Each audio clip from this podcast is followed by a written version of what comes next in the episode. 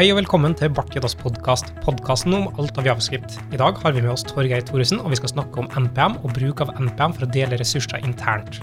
I tillegg til gjesten vår så har vi faste panelet som består av Christian, Hallo. Marius Hei. og meg, Mikael.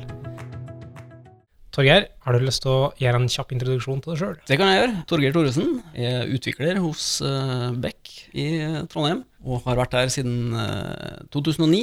Har gjort veldig mye rart. Eh, har alltid hatt en forkjærlighet for eh, javascript, men har koda i veldig mye forskjellige språk. Jeg vil ha altså, du er en kollega av meg, og jeg vil ha klassifisert deg som en frontend-ekspert og javascript-ekspert, også, selv om du har erfaring med mange andre ting òg. Det er helt klart det jeg har holdt på mest med opp igjennom. Eh, Ja. Alt av frontend, egentlig.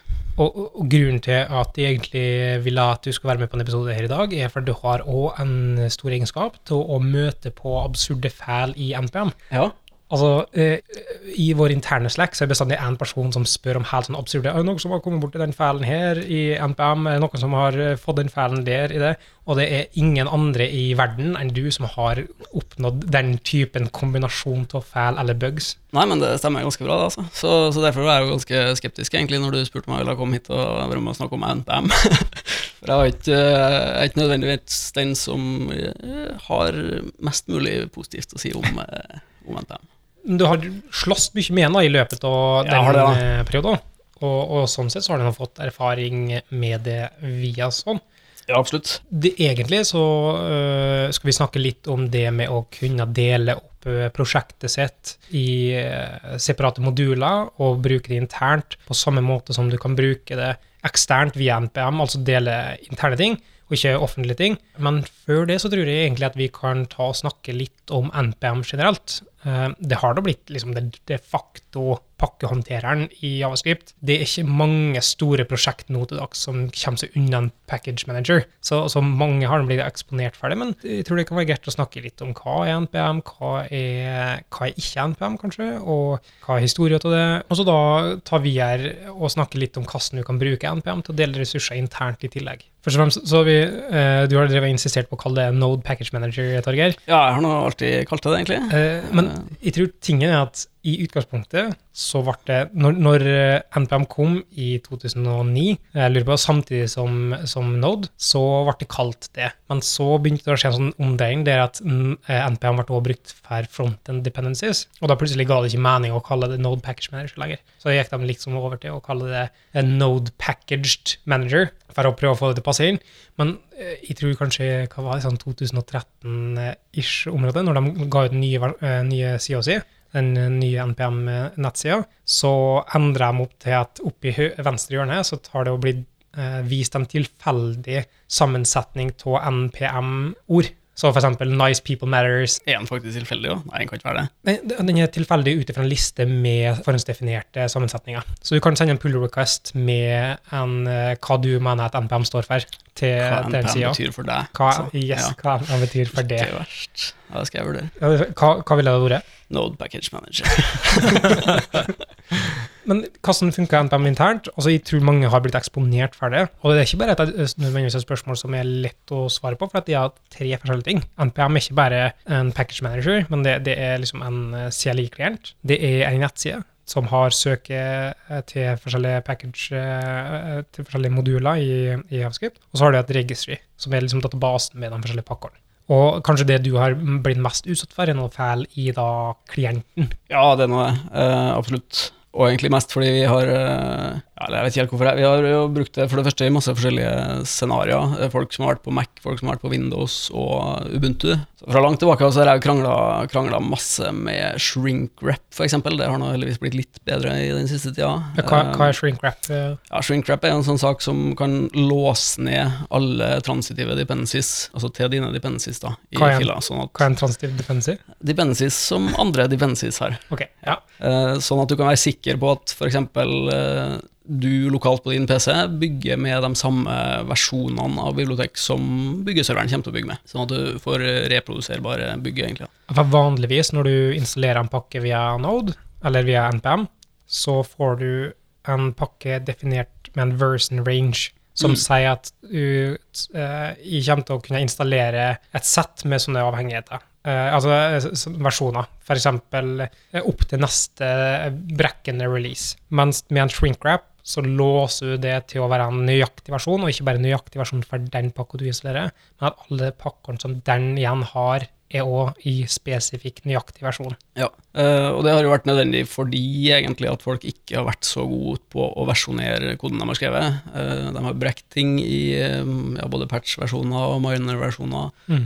osv. Så, videre. så folk har, og vi òg for så vidt, har møtt på ganske mye rare, uforventa feil, som egentlig ikke burde vært der hvis folk hadde versjonert koden sin riktig. Hva legger du egentlig i patch og minor-versjoner, og, og hvorfor er det galt? Hvorfor det galt? Ja, og, og brekke ting på dem? Å ja, sånn ja. Nei, for det er jo opp, oppgraderinga du egentlig bør kunne gjøre, um, og være sikker på at, at det fortsatt virker. En patch-versjon gjør du typisk hvis du, har en, hvis du fikser en liten feil i en versjon, mens uh, minor-versjoner er f.eks. nye features som du får i et bibliotek, som da bør være bakoverkompatibel med, med andre versjoner. Og så har du da den major-versjonen, altså den første tallet som er brekkende API-endringer, f.eks. hvis ting ikke er bakordkompatibelt lenger. Ja, ikke sant? Så hvis du oppdaterer til en versjon som har en større major-versjon, så må du egentlig forvente at du må endre på API-kall, f.eks., til det biblioteket du bruker. Mm. Men det må nå ikke være det du er eksponert for, eller det du bruker som andre. Altså, det. så, så det kan gå fint, det òg. Men den der Semver, da, semantic versioning, som den her føler at det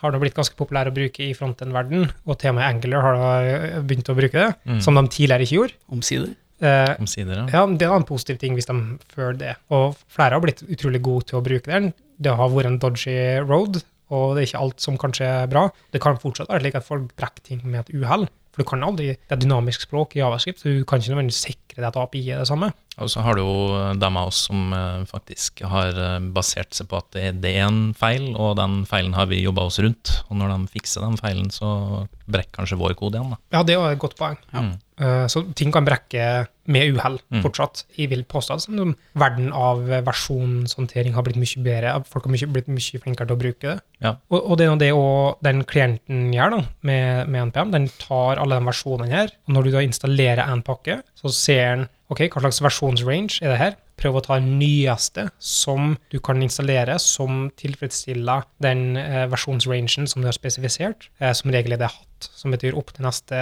major, altså brekkende release. Opp, men ikke over. Og så tar den og finner ut alle de transitive avhengighetene som du sier, Torgeir, og resolver hele treet av avhengigheter som du må installere. Og så prøver den å flate det ut, sånn at du kan dele avhengigheter. sånn at hvis du har en avhengighet A og en avhengighet B, som begge to er avhengig av en avhengighet C, så kan de bruke den samme C-avhengigheten for å redusere installasjonsspacen som er required. Så det er liksom rolla til den klienten i tillegg til det å være entry point til, til å bruke den der, da. Men hvis du går fra å ha en transitiv avhengighet til å bli en faktisk avhengighet i prosjektet ditt, hvordan håndterer han det da?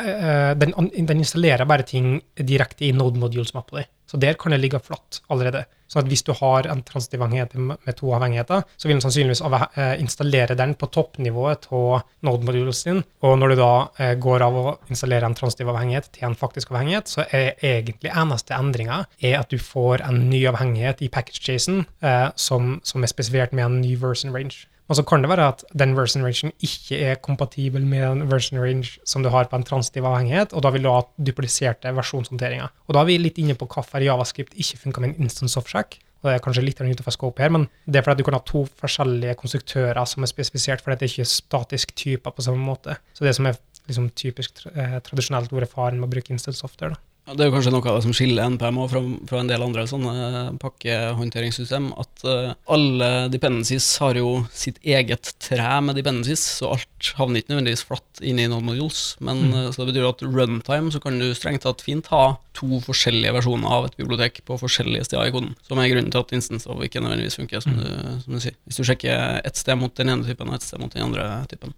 Og det er egentlig en styrke og en svakhet. Altså det er trade-offs. Du, får, du slipper ha sånn Hvis noen har brukt Newget, for eksempel, da, så kan det ende opp med at nei, dette her eh, tilfredsstiller ikke version rangen din. Du har to ting som er i konflikt, og da får du ikke installert det. Da, da er det bare OK, greit, da får du ikke gjort det. Det finnes vel noe det namespace scoping eller eh, reference eh, et eller annet opplegg som gjør at du kan på en måte unngå det, men det er mye, mye mer detaljnivå enn det jeg har i, i C-sharp-verden. Eh, men i et dynamisk språk som javascript så kan du fint gjøre det på den måten. Det at du har forskjellige avhengigheter. Og kostnaden er at det blir mye mer lagra og mye større filer. I Node-verdenen så har det kanskje ikke så mye å si, for det er ikke snakk om mange megabyte i utgangspunktet. Men når du skal overføre nettleseren, så kan det ha noe å si. Så det er klienten, altså så nettsida bare da, søk i registeret. Og registry er kanskje en interessant del, for at klient og registry er to forskjellige sider av Du kan se på registry på en måte som backenden til klienten, altså CLI klienten, men egentlig så er det bare en CouchDB-database, så vidt, hvis de ikke har endret det de siste årene, men en CouchDB-database som har et sett med metadata, altså egentlig en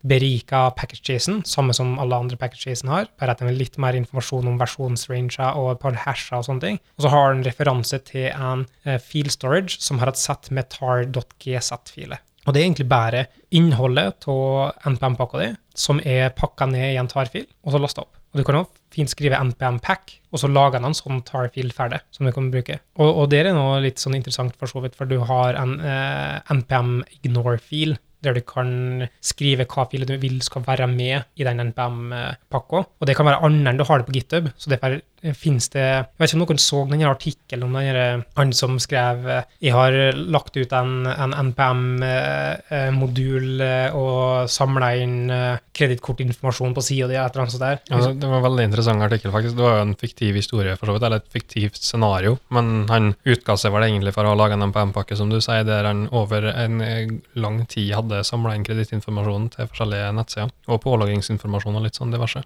Ja, men injekta liksom kode til bundles via eh, skjulte ting som er obscura i javascript-avhengighet, et eller annet sånt der. For, for, det som egentlig var pakken han hadde laga, var jo bare en colorizer for konsollet, ja. som flere pakker visstnok hadde begynt å depende på. Mm. Ja, så Scenarioet er jo realistisk nok, egentlig. Eller at du bare lager en pakke som ligner i pakkenavn på, på en annen pakke, mm. og satser på at folk uh, installerer den. Og så har du malicious intent, egentlig. Mm. Og det, det, derfor jeg navnet det med den NPM Ignore, for at den kan si at du skal ha ett sett med filer, og, den, og så går du inn på GitHub, og så ser du at den, den har ikke Hvis du skal se innholdet av en pakke, da, så går du ofte på GitHub og ser hva filer det er, men det trenger ikke stemme overens med det som er i, i NPM-pakka di. Men du antar på en måte at uh, ting som Snyk eller uh, Lift, uh, Cloud Security, eller hva de heter, og um, Gymnasium, eller et eller annet sånt der, som har forskjellige sånn, sikkerhetssjekker. De går og tråler etter NPM og sjekker etter virus eller malicious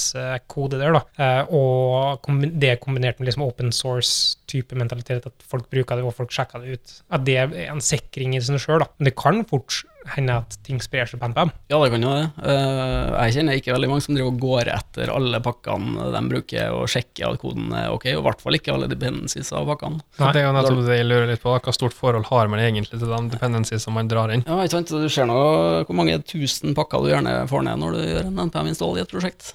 Det er ganske massivt. Mm. Og det er litt med den filosofien til Node i utgangspunktet, og som har spredd seg til Javascript. Det at det skulle liksom være Unix-filosofien, der ting skal være splitta ned i enkle, modulære kodebiter. Igjen så er det trade-offs, da. Akkurat det med navngivinga hadde de vel gjort et eller annet for å bøte på dem, ikke Jeg syns jeg leste noe om at de eh, hadde begynt å strippe all tegnsetting annet enn bokstaver og tall, eller noe sånt, og sjekke om det ligna på andre pakker, og så fikk du lov hvis det var for likt. Så jeg leste det her nå i forrige uke en gang. De har sånn ukentlig nyhetsbrev der de poster alle oppdateringer som skjer på NPM. Eh, for det har, det har blitt at det starta nå egentlig bare som en open source-greie, eh, men nå er det nå et ordentlig bedrift som, som driver med det. En Ink som har de har en del ansatte. Så de har, tar vel grep eh, på for å redusere den, den grad. Og det har, det har største package manageren i verden, tror jeg. De har tatt den igjen. Større enn liksom DT Java Maven. Ja, det, ja. Ja, det er jo Maven som er mest brukt her, da. Um, for, å, for, å, bygge, i hvert fall. Jeg husker ikke hvor mange det var, men det var sånn milliardavis på nedlasting av MPM. I hvert fall. Ja. 55 000 pakker eller noe sånt. Tror Ikke mer? Ja, skal ikke se det for sikkert. Uh, jeg tror det var mer. Ikke? Det kan hende de har helt vel. Det kan hende de leste en gammel artikkel for all tid.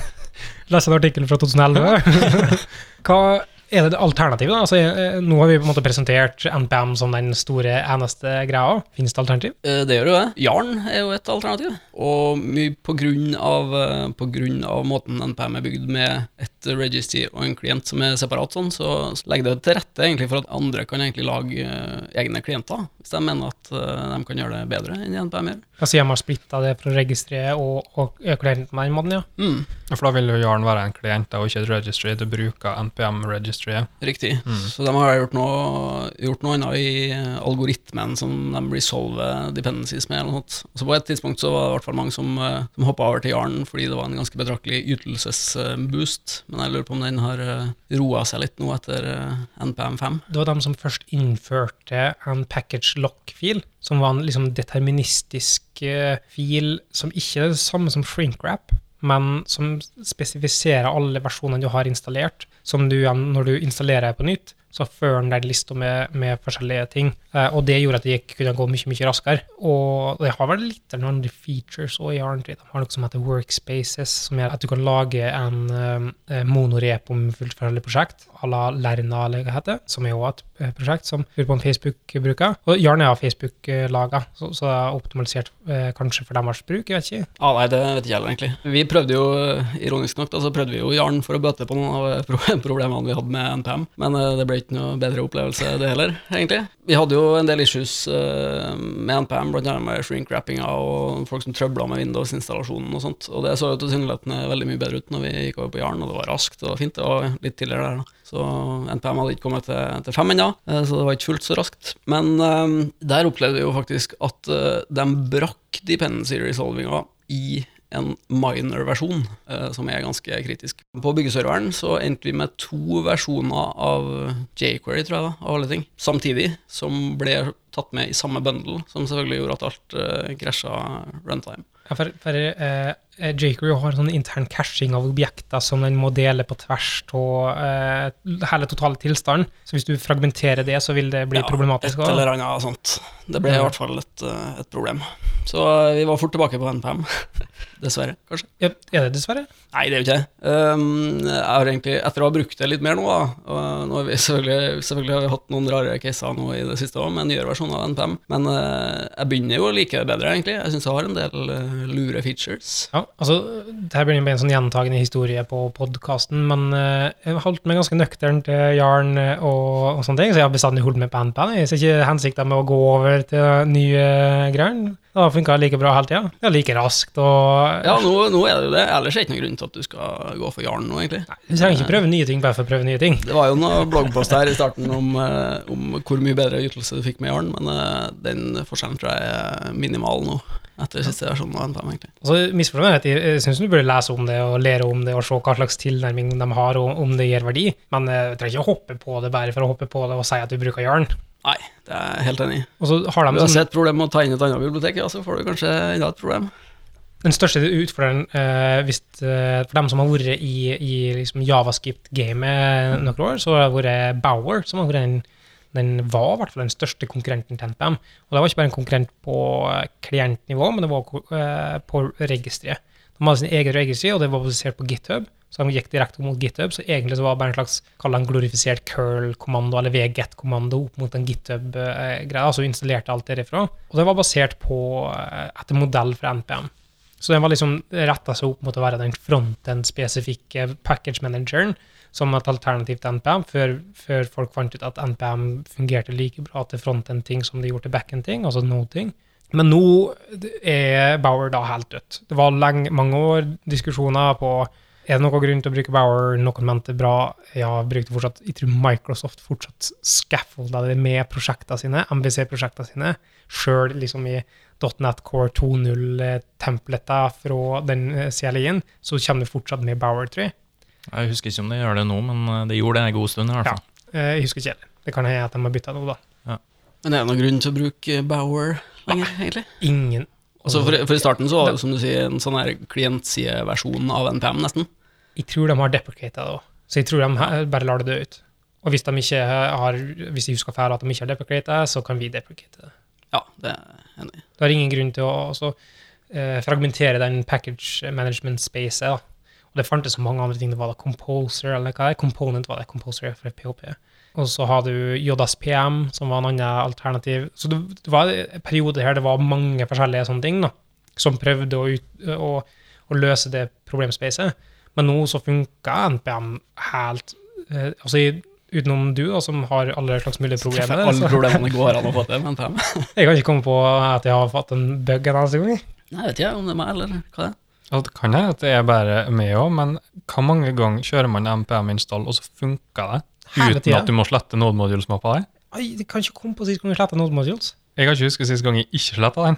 Ja, altså Hvis du sletter den, så må du nå kjøre MPM install, da. Og det forstår jeg. Men hva, hva, hva som er årsaken? da? Jeg har ikke deepdiva nok i det, så kanskje Torgeir kan svare på det. Du må gå over til Jarn, Marius. Ja, det er alt. sant. Du får fortsatt modules med Jarn, ikke Jo. Ja, ja. Du ender opp med det samme. Og, og selve det å hente ut pakkene fra noen modules er ikke NPM som står bak i det hele tatt. Enten så er det eh, ting som eh, Webpack eller Browserify eller et eller annet sånt som gjør det, eller så er det Node som har resolvinga derifra. Så eh, både Yarn og NPM eneste de har å bry seg om, er å hente ned data og lagre det i Node modules. Etter det så har eh, ansvarsområdet omme. Mm. Med visse modifikasjoner. For ofte så bruker vi NPM som entry pointen opp mot frontend-prosjekt. Og da tenker jeg spesifikt på som scripting, da. NPM script, så det er ofte kalt. Der du kan ha spesifisert i package-jason en sett med eh, kommandoer som kjører andre kommandoer. Mm. Et sett med navngitte kommandoer, egentlig. Og så kan du da via kommandolinja skrive npm run og den pakken navn, nei, den, den kommandonavnet der. Og jeg liker å tenke på det som at det skal være entry pointen til alt du har å kunne kjøre i kommandolinja på prosjektet, burde stå der, for det blir en sjøldokumenterende effekt også. I Jarn så slipper du run. Ja, det er det det har jeg lurt på med NPM, og hvorfor må du skrive run? I NPX så slipper du Run, som Ja, er en NPX. alternativ klient til NPM, som kjører sånne ting. Og den kan jo òg faktisk bare skrive Si at du har en, eh, en pakke da, som heter f.eks. No Not Fire CLI. Så kan du kjøre NPX, Node Notifier CLI, og bruke den direkte uten å installere den. Og hvis den ser at det ikke er installert, så tar den og installerer det ferdig. Gjør er det? Aner ikke. Men kan, du, men kan du bruke det til å kjøre dine egne scripts òg, sånn at jeg kan faktisk slippe å skrive Ja. run? Jeg må bekrefte det, men jeg, jeg tror det var det som var liksom til selling pointet. Det er NPM som gir ut NPX òg. Ja, det må jeg sjekke. Den, den NPX-en er i hvert fall veldig enkel, eh, eller lettvint å bruke hvis du mm, typisk har ja, noe som skal stå watch eller noe sånt, eh, så kan du bare kjøre NPX og navnet på kommandoen, så laster den ned tvert og kjører for deg, uten å NPM install først, og passe på at du har Node Modules folder, og at den havner på rett plass, og ikke lenger opp. og si at du eh, installerer et av en, en, noe som skal kjøres, f.eks. Webpack, da. Så ønsker du å kjøre Webpack-CLI-en, du har den installert, men eh, du ønsker bare å kjøre selve webpack-sida inn, så må du enten liksom gå inn på nodemodules eh, slash eh, .bin slash eh, webpack, og så legge aliaset til CLI-en der. Eller så kan du bare kjøre npax, webpack, og da resolver det automatisk fra .bin-mappa di. Så slipper du å ha en referanse til det sånn sett, hvis du bare ønsker å kjøre for å teste ut ting. Og det er jo det fine med den her skriptene òg, at uh, de gjør akkurat det samme. Hvis du Mm. bare skriver webback inn i et sånt skript, så slår den det opp automatisk uten at du trenger å spesifisere hele pathen. Så Ja. det, er en, det er en lettvint, eh, lettvint måte å ha det som én sånn inngangsvinkel til frontend-prosjekter, fordi Mm. det er så lett å ta i bruk dependencies. Og så dokumenterer jeg hva, hva slags muligheter har du til kommandoer å kjøre her. Mm. Det NPM muliggjør, da, eller eh, hele registeret og den modulsystemet, er å splitte opp forskjellige eh, løsninger i subset-løsninger. Og så kan du enten dele det offentlig, eller så går det an til å ha private registry, f.eks. ting som Artifactory, som, som JFrog som laga, det er egentlig et Java-greier. Ja, brukes veldig ofte til Java-prosjektet, ja, for, eh, som er et, eh, en, ja, hva skal jeg et registry da, over bygde Java-artifakter. Mye på samme måte som NPM er for, eh, for Javascript. Mm. De bare satt opp liksom den databasen backenden ferdig. Mm. Den har også til å være NuGet og sånne ting, og med varierende hell. Ja, jeg tror det. Den kan jo også være et sånt uh, NPM registry for deg, hvis du vil. Men jeg vet ikke om den kan det i uh, open source-varianten, eller om du da må betale. Men eh, Ja. det er sikkert ikke mengder. Og så har eh, NPM en Enterprise-versjon som kom for noen år siden, der du kan ha en egen eh, Enterprise registry kjørende. Og så kan du som sagt du kan kjøre NPM Pack på en pakke, laste den opp på Dropbox og, og installere direkte fra Dropbox, f.eks. Men også, du kan òg installere direkte fra GitHub. Og da begynner vi å snakke litt sånn interessante ting, for da betyr det ikke nødvendigvis at du trenger å splitte det opp og så publishe det offentlig, men du kan til og med ta dine lokale prosjekter og splitte det opp til delbare ressurser. Og det er der du har ekstra ekspertise, så vidt jeg har skjønt, eh, Torgeir.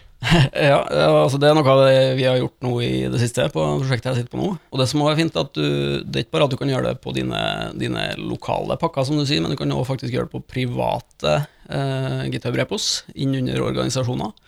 Og så kan du i package JSON-filer, altså hvis du bruker en sånn git pluss SSH-URL, så vil, eh, vil NPM bruke eh, Git-klienten med eventuelle SSO-nøkler som du har installert på, på om det er byggeserveren eller lokalt hos deg. Eh, og så vil den gå til GitHub for å laste ned den pakken som du har eh, spesifisert. Så det, det, gjør, det, gjør, det jo faktisk ganske enkelt, så du må ikke ha et uh, Artifactory eller et annet sånn uh, pakkeregistry for å kunne, kunne, splitte opp appen din i mindre deler. Si at du har stiler du har lyst til å gjenbruke f.eks. på tvers av, av, apps. Så kan du godt lage et eget Git-repo for det, og, og, bruke releases på GitHub til å publisere artifekter som andre NPM-moduler du lager, kan depende på. Kan du forklare litt hva releases er?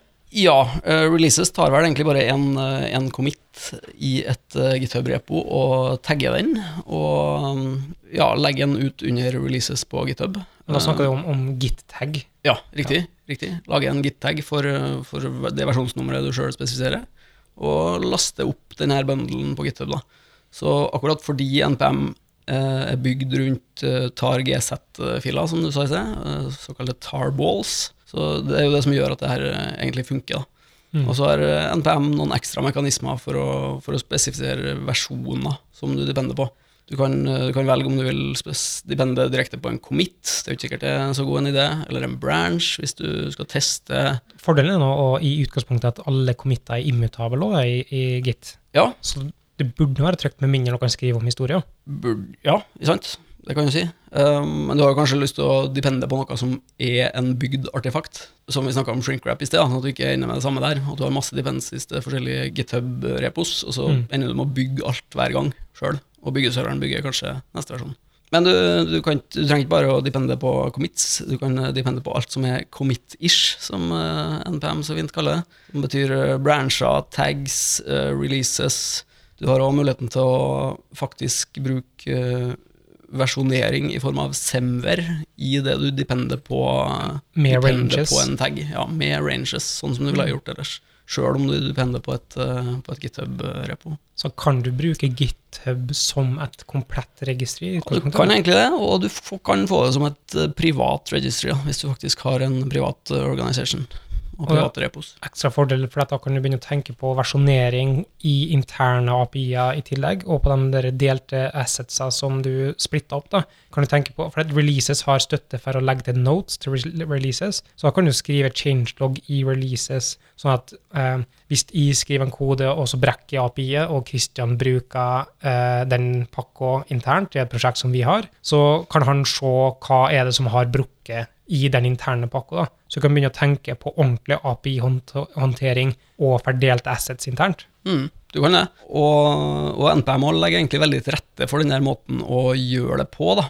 De har bl.a. en uh, sånn suffiks bak NPM. Du kan kjøre NPM version. Og så kan du si om endringa du har gjort er en major, minor eller en patch-versjon, eller noen flere, tror jeg. Og så tar, tar faktisk NPM og bumper versjonen i package-jason for deg, og kjøre eventuelle sånne Hvis du har et script som heter version, tror jeg, mm. helt sikker, lurer på om det er det, så, så kjører en det sånn at du har muligheten til å faktisk gjøre bygging, da, for eksempel, som vi ofte gjør i frontend-prosjekt, bygge f.eks. CSS og Javascript, og den kan adde resultatet av å ha kjørt NPM Run version til Git før den committer, og tagge for deg, og så kan du bare pushe det til Git og si at du vil ha med tags. Du må bare si git push uh, dash dash tags, og så origin master, eller hva det er. Og så må du, må du vel ha med dash m i, i NPM version for at den skal opprette en tag, eller må du ikke? Nei, det tror jeg den gjør automatisk. egentlig. Ok, Da er det bare min rapper sånn som må gjøre det. Jeg ja. Så det er egentlig bare å pushe, og da dukker, dukker den uh, nye versjonen du har gjort uh, opp på releases på GitHub. Men da må du ha dist-filet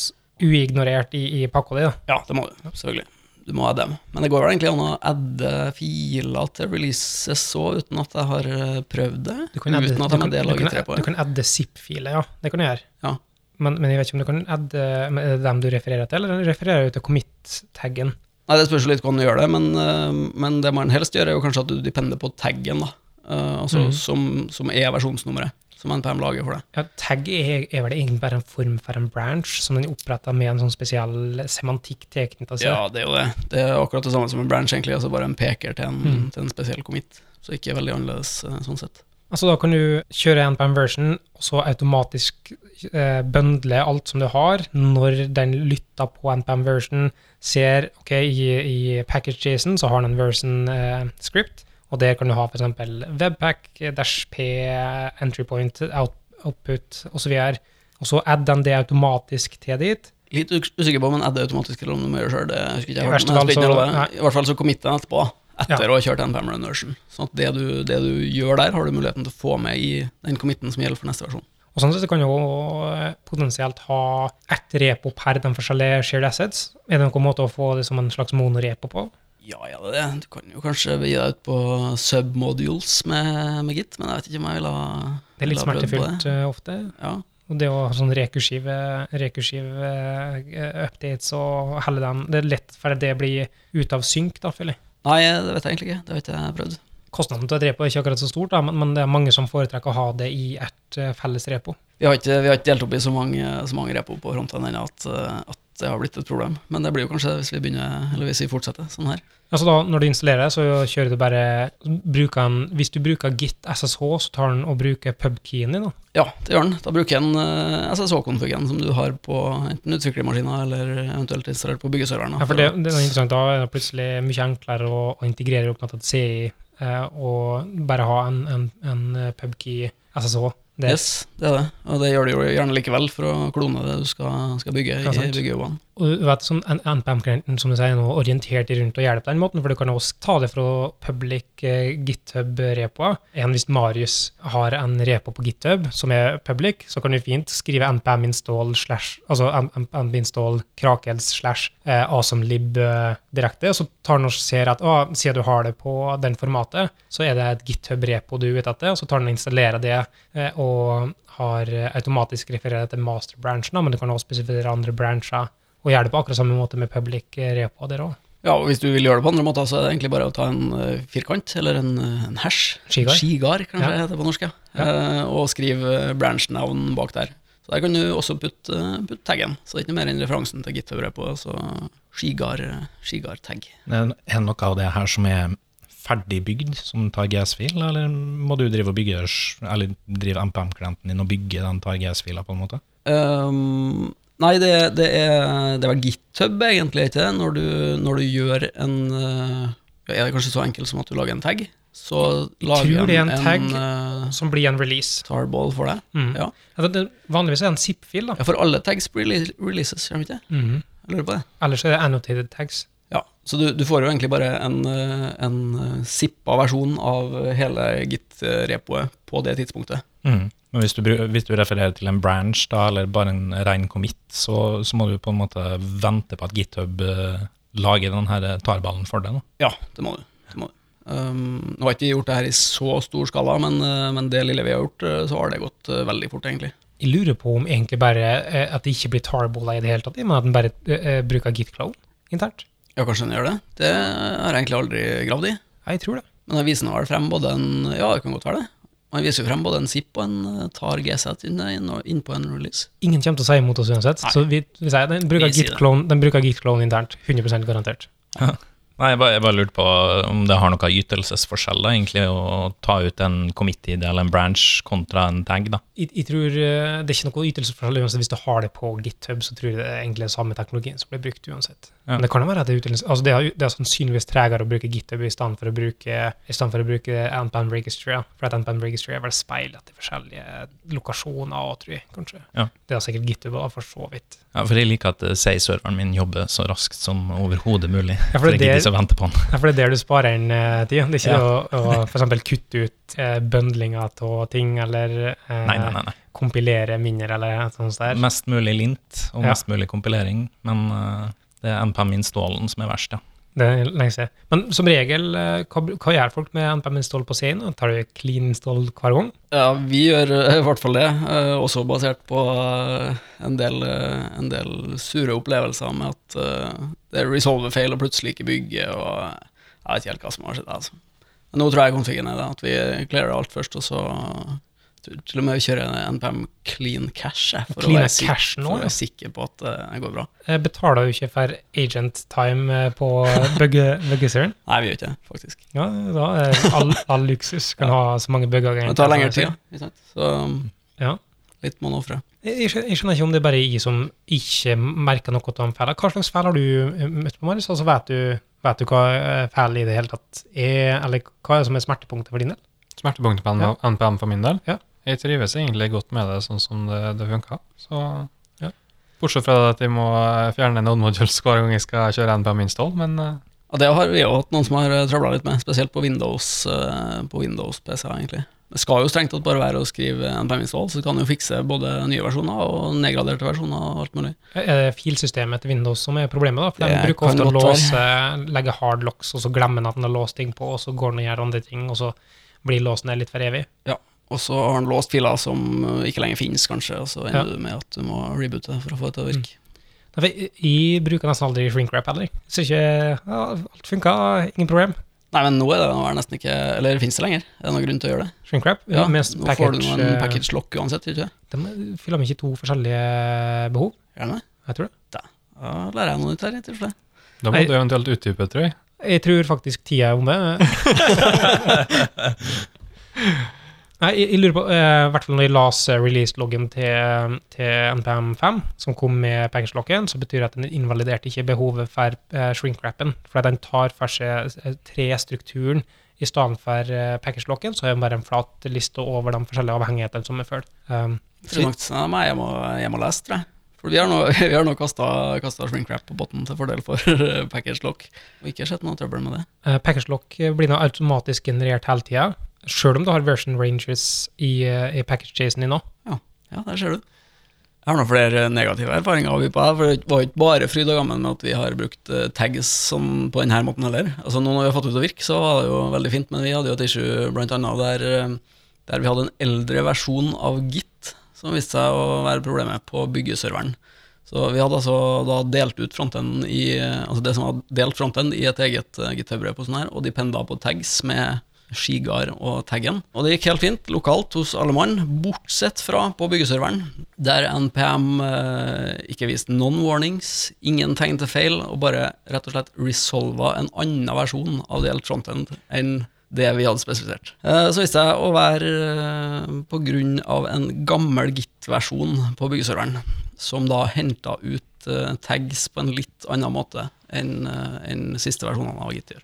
Jeg endte jo da med å måtte bruke hele den her stien til, stien til der taggene egentlig ligger i eh, GitHub-brevet, med refs eh, head-tag, eller hva, Mm. jeg husker ikke hva. Ja, samme. Det, For, å, for å få det til å virke. Ja. Men når det var på plass, så etter det har det egentlig funka veldig bra. Du har oppnådd det du ville. Du har en mulighet til å dele interne ressurser privat måte via det økosystemet som dere allerede har og er på plass, eh, uten å nødvendigvis innføre nye ting som et privat registry som holder på å populere der. Eh, men du kan bare bruke de private delene delen der. En alternativ måte kunne kanskje vært brukt scoped packages via en privat form for enterprise-løsning på NPM. Jeg tror du kan ha private scopes i NPM som du kan hoste ting under via NPM. da. Ja, Det har ikke vi, vi sett på hele tatt, men det er i hvert fall, i hvert fall en veldig sånn uh, lavterskel måte å kunne, kunne dele inn ting i pakka som man kan gjenbruke sjøl. Uh, også på hobbyprosjekt, for så vidt. Det er jo så kort vei til å gjøre det der at uh, jeg kommer definitivt til å gjøre det der på nytt. Og det fører jo gjerne til at du skriver litt mer uh, modulær, gjenbrukbar kode enn du kanskje ville ha gjort hvis du bare klina alt inn i et, uh, et stort repo. Ja, altså Hvis jeg lager en, en eh, Node-pakke da, som jeg ønsker at Marius for eksempel, skal teste ut, så kan jeg legge til han som collaborator på det private repoet, så kan han installere det fra NPM og teste det ut direkte. Det kan du, Eh, Han kan teste dine PR-feature-bransjer, f.eks., eller uh, hva det måtte være. Veldig enkelt. Jeg kan bare ta ut akkurat den pull requesten og installere den pull request-bransjen direkte for å kjøre dem, teste den uten å måtte gå inn i en C-løsning og sånne ting. Ja, Det, Yes. Så det er jo veldig, veldig smidig, egentlig. kunne du teknisk sett ha kjørt NPX til en spesifikk branch òg? Det er interessant. Det er masse, det er masse jeg må, jeg må teste og lese om og se etter, etter den økta her. Mm. Jeg tror vi er litt uh, omme for tid òg, så det får være en sånn fin oppfordring helt til slutt. Hvis noen har spørsmål eller har lyst til å diskutere eller har tips til måter vi kan gjøre eh, NPM og GitHub og, eh, og sånn. Har de en plass de kan kontakte det? Ja, på, på internett, skal du si. Eh, Torgeir på både Twitter og GitHub. Sånn er early adopter life. Ja, var det altså. Altså, Jeg starta jo med Twitter eh, mens det var så lite folk der at vi planla hva vi skulle ha til middag på Twitter. Så Når det bare var I- i 20 kol- tegn. I kollektivet. Når det bare er 20 tegn. Ja, for det var økt liksom, eh, sant det? Dobla det sånn regelmessig. Ja. Var du så sent ute, Kristian, at du fikk ikke Larifax med én R, så du måtte opp med to R-er?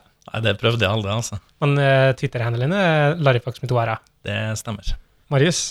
Vi finner du fortsatt på ett Krakels på Twitter. Og meg kan du kontakte via at Mikael Brevik, eller så kan du ta kontakt med Bart Jodas-panelet og eh, podkasten på at underscore Bart Jodas. Takk for at du hørte på. Så høres vi i neste episode.